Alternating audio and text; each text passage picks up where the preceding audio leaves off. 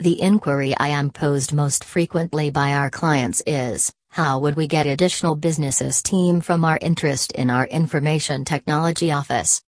Here Sonia Rand Ah shares four key regions that should be addressed to amplify the advantage got from the interest in IT. Adjust business cases with the business methodology. Generally speaking, the business case for IT ventures, including the turn of events or acquisition of new programming, isn't connected to a reasonable business technique,